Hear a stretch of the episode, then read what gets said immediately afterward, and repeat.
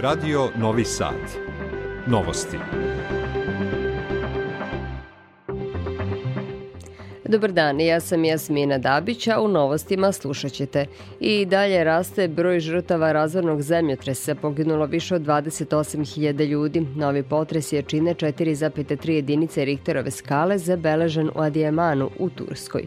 Pomoć Turskoj stiže iz svih krajeva sveta, dok je sirijskoj vladi od Italije stigla prva pomoć iz Evropske unije.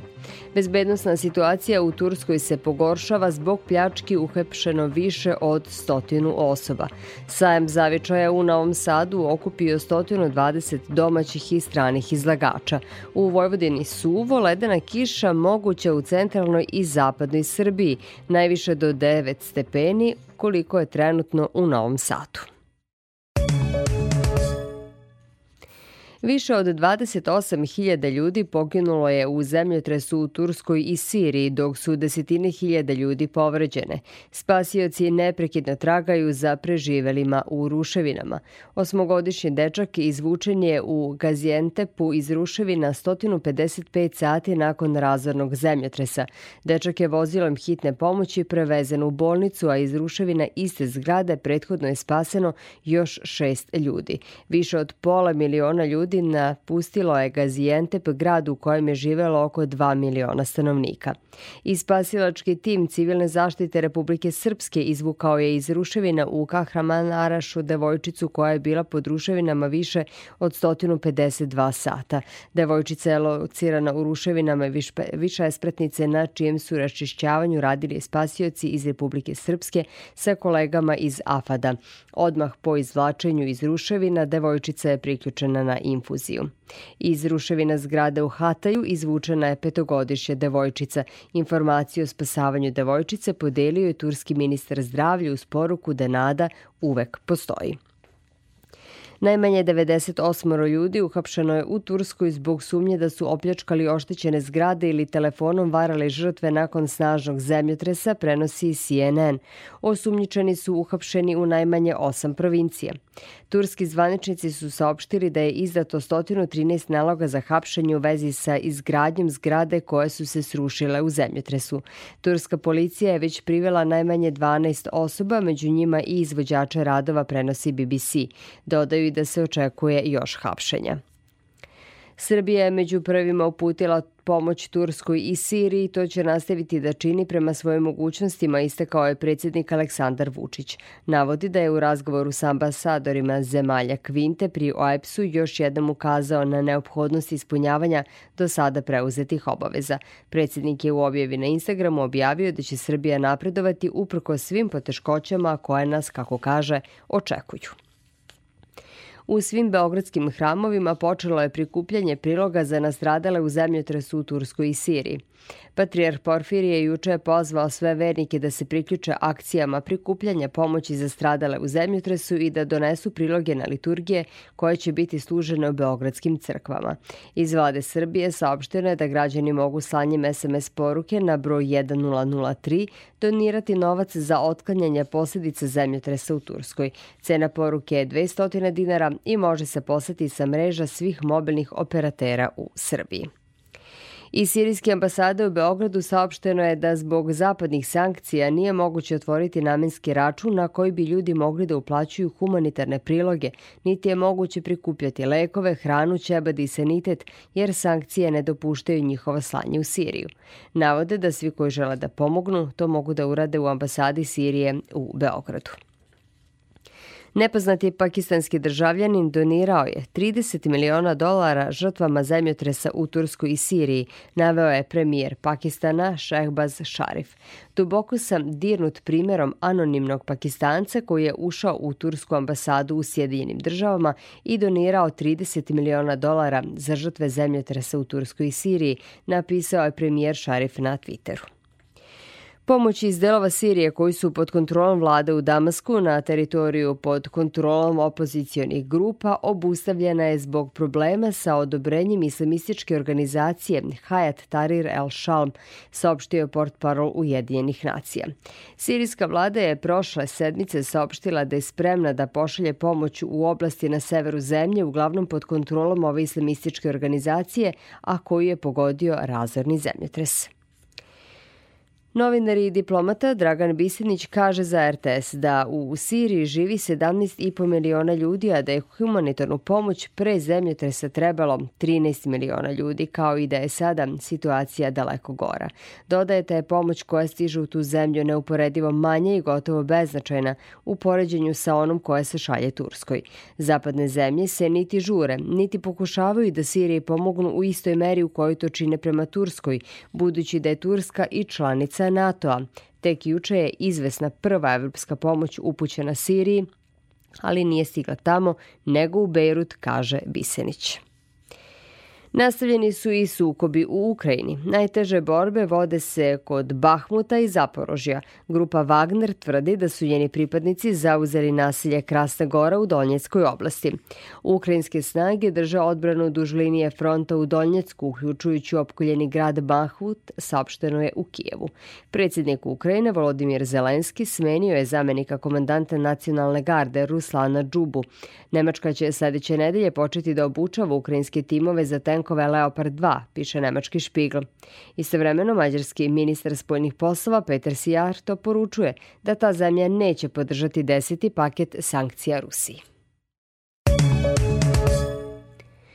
Saobraćena policija će od sutra do 19. februara sprovoditi međunarodnu akciju pojačane kontrole saobraćaja usmerenu na otkrivanje prekršaja koju čine vozači autobusa i teretnih vozila.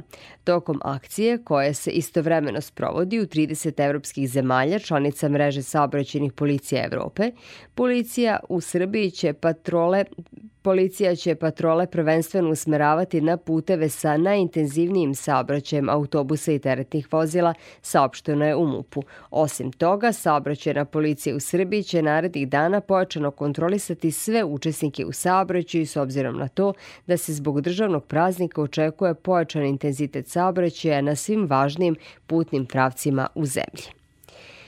Država najavljuje pooštravanje kazni za nasilničku vožnju, a novim propisima o bezbednosti u saobraćaju trebalo bi da bude omogućeno privremeno oduzimanje vozila za teže prekršaje. Takođe, prvi put će biti regulisana i vožnja električnih trotineta, dok će neke izmene obuhvatiti i bezbednost putno-pružnih prelaza. Očekuje se da će izmene i dopune zakona o bezbednosti saobraćaja biti usvojene tokom prolećnog zasedanja parlamenta. Koje su novine, otkriva sa Slobodan Vidović.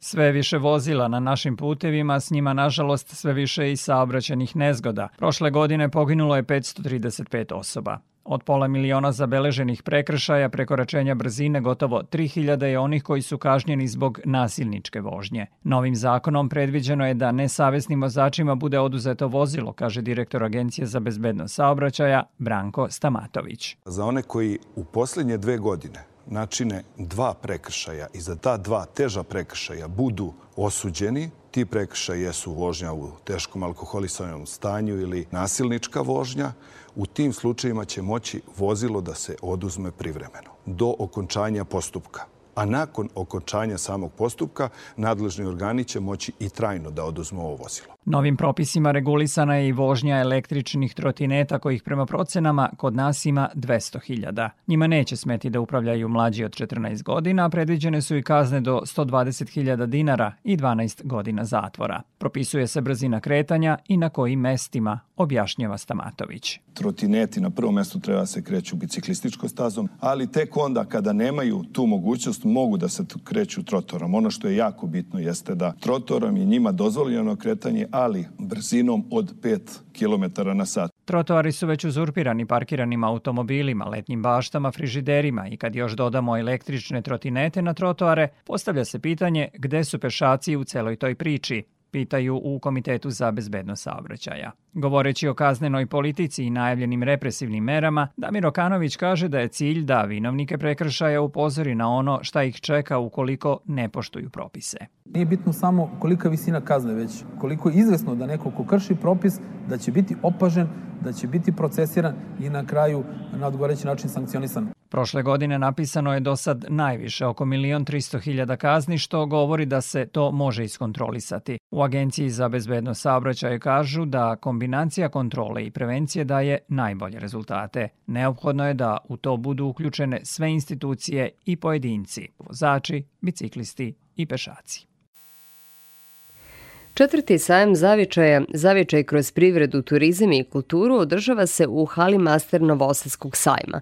Na manifestaciji koja promoviše privredni, kulturni i turistički potencijal Srba širom regiona učestvuje oko 120 izlagača iz naše zemlje, Hrvatske, Bosne i Hercegovine, Republike Srpske, Mađarske i Crne Gore, a ulaz je besplatan. Grad Novi Sad u saradnji sa državom i pokrinom vodi računa o izbeglim i raseljenim licima, prevashodno u vezi sa rešavanjem stambenog pitanja pitanja onima kojima je to potrebno.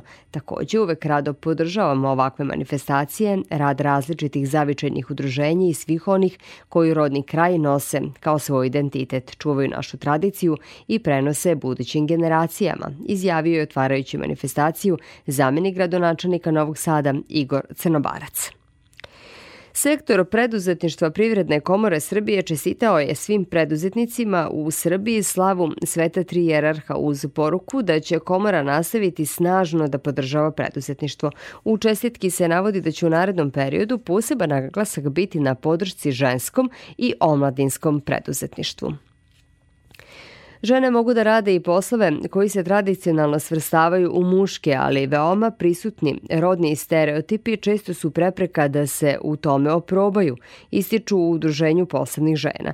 Zato je ta organizacija uz podršku Agencije Ujedinjenih nacija za rodnu ravnopravnost i osnaživanje žena u proteklih godinu dana obučavala žene iz svih krajeva Srbije za netipično ženska, inače deficitarna, ali i dobro plaćena zanimanja. Pojedinosti Milijana Kočić.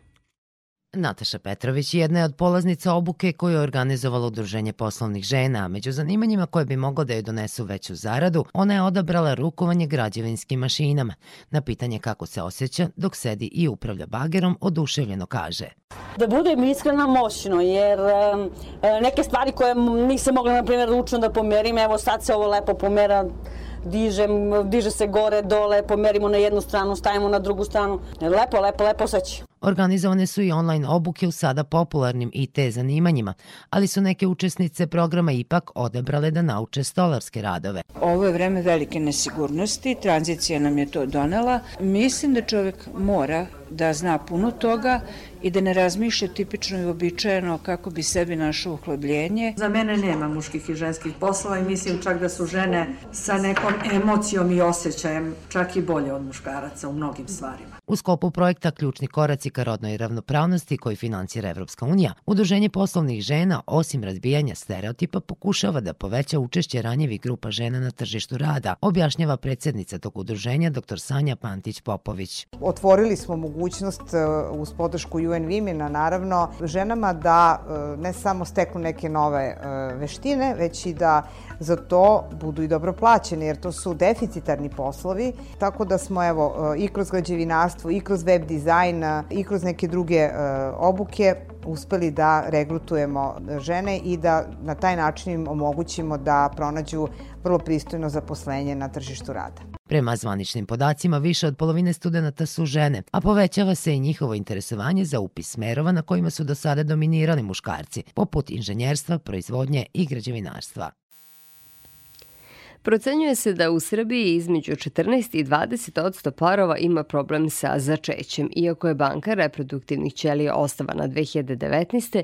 država se odlučila za uvoz reproduktivnog materijala iz inostranstva jer nema donora u Srbiji, a krajem prošlog meseca iz Španije su stigle prve reproduktivne ćelije uvezene o trošku države.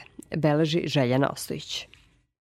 Za vantelesnu oplodnju u protekla dva meseca prijavilo se više od 500 parova i žena bez partnera i država će finansirati sve koji ispunjavaju kriterijume, kaže direktorka Republičkog fonda za zdravstveno osiguranje Sanja Radojević-Škodrić. Pravo na uvoz reproduktivnog materijala o trošku države imaju sve osobe starosti do 45 godina ukoliko nemaju decu ili nemaju postojićoj zajednici decu. Takođe imaju pravo single žene, dakle žene bez partnera koje nemaju decu. Prvi korak je prijavljivanje preko portala e-uprave. Objašnjava za Radio Novi Sad konsultantkinja za vantelesnu oplodnju Sandra Jovanović, dodajući da prikupljanje dokumentacije i prolaza komisije nije zahtevan proces, ali nakon dobijanja termina sledi još mnogo koraka da bi se ušlo u proceduru posljednje informacije koje imam da se, da se čekalo do mesec dana za sam termin, a onda nakon toga koliko će se čekati na samu proceduru, to je već nešto drugo. Uvoz tog reproduktivnog materijala, početak procedure, znači koliko je preko fonda čekamo plaćanje, nakon toga da je fond izvršio plaćanje, znači sve to ima iziskuje dosta koraka. Država ima ugovore sa bankama u Španiji, Češkoj i Danskoj, a donori moraju raditi brojne analize, naglašava Jovanović. Jedna od osnovnih analiza, naravno analiza na infektivne bolesti se rade, reproduktivni potencijal, analiza na genetske bolesti uopšte, krvna grupa. Kad se urade te analize, oni se pojavljaju na listi potencijalnih donora koje mi iz Srbije odavde možemo birati. U svim zemljama donore motivišu i novčano, što je kod nas izostalo, napominje Jovanović. Smatra da bi ta naknada uz informisanje stanovništva doprinela da se ljudi češće odlučuju na taj korak i znam da postoje ljudi dobre volje, puni altruizma koji bi želeli da pomognu, ali da takođe mora za njih postoji osim edukacije, osim naravno i te novčane nadoknade, jedan jasan jednostavan put gde oni mogu da doniraju materijal i kako da oni to urade, kako je njihovo angažovanje potrebno, tako da mislim da taj jasan, jednostavan put za donora jeste rešenje. Iz Republičkog fonda za zdravstveno osiguranje navode da je plan da se u narednom periodu zaključe ugovori sa svim evropskim bankama koji izvoze reproduktivne ćelije, a one se nalaze u Italiji, Grčkoj i u skandinavskim zemljama. Jedna vest iz sporta. Futboleri Subotičkog Spartaka u Ivanjici protiv Javora igraju pretposlednju utakmicu 21. kola Superlige Srbije. Košakaši Crvene zvezde od 17 časova u Zadru gostuju istoimenu ekipi, dok će košakaši Partizana dva sata kasnije u Beogradu dočekati Čačanski borac u poslednjim susretima 19. kola regionalne ABA lige.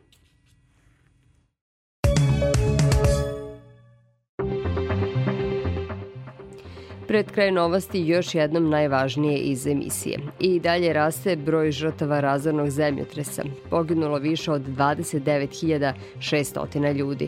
Novi potres je čine 4,3 jedinice Richterove skale zabeležen je u Adijamanu u Turskoj. Pomoć Turskoj stiže iz svih krajeva sveta, dok je sirijskoj vladi od Italije stigla prva pomoć iz Europske unije. Bezbednostna situacija u Turskoj se pogoršava zbog pljački uhapšeno stotinu osoba. Sajem zavičaja na Novosadskom sajmu okupio 120 domaćih i stranih izlagača, ulaz besplatan. U Vojvodini suvo, ledena kiša moguće u centralnoj i zapadnoj Srbiji, najviše do 10 stepeni, u Novom Sadu trenutno je 9.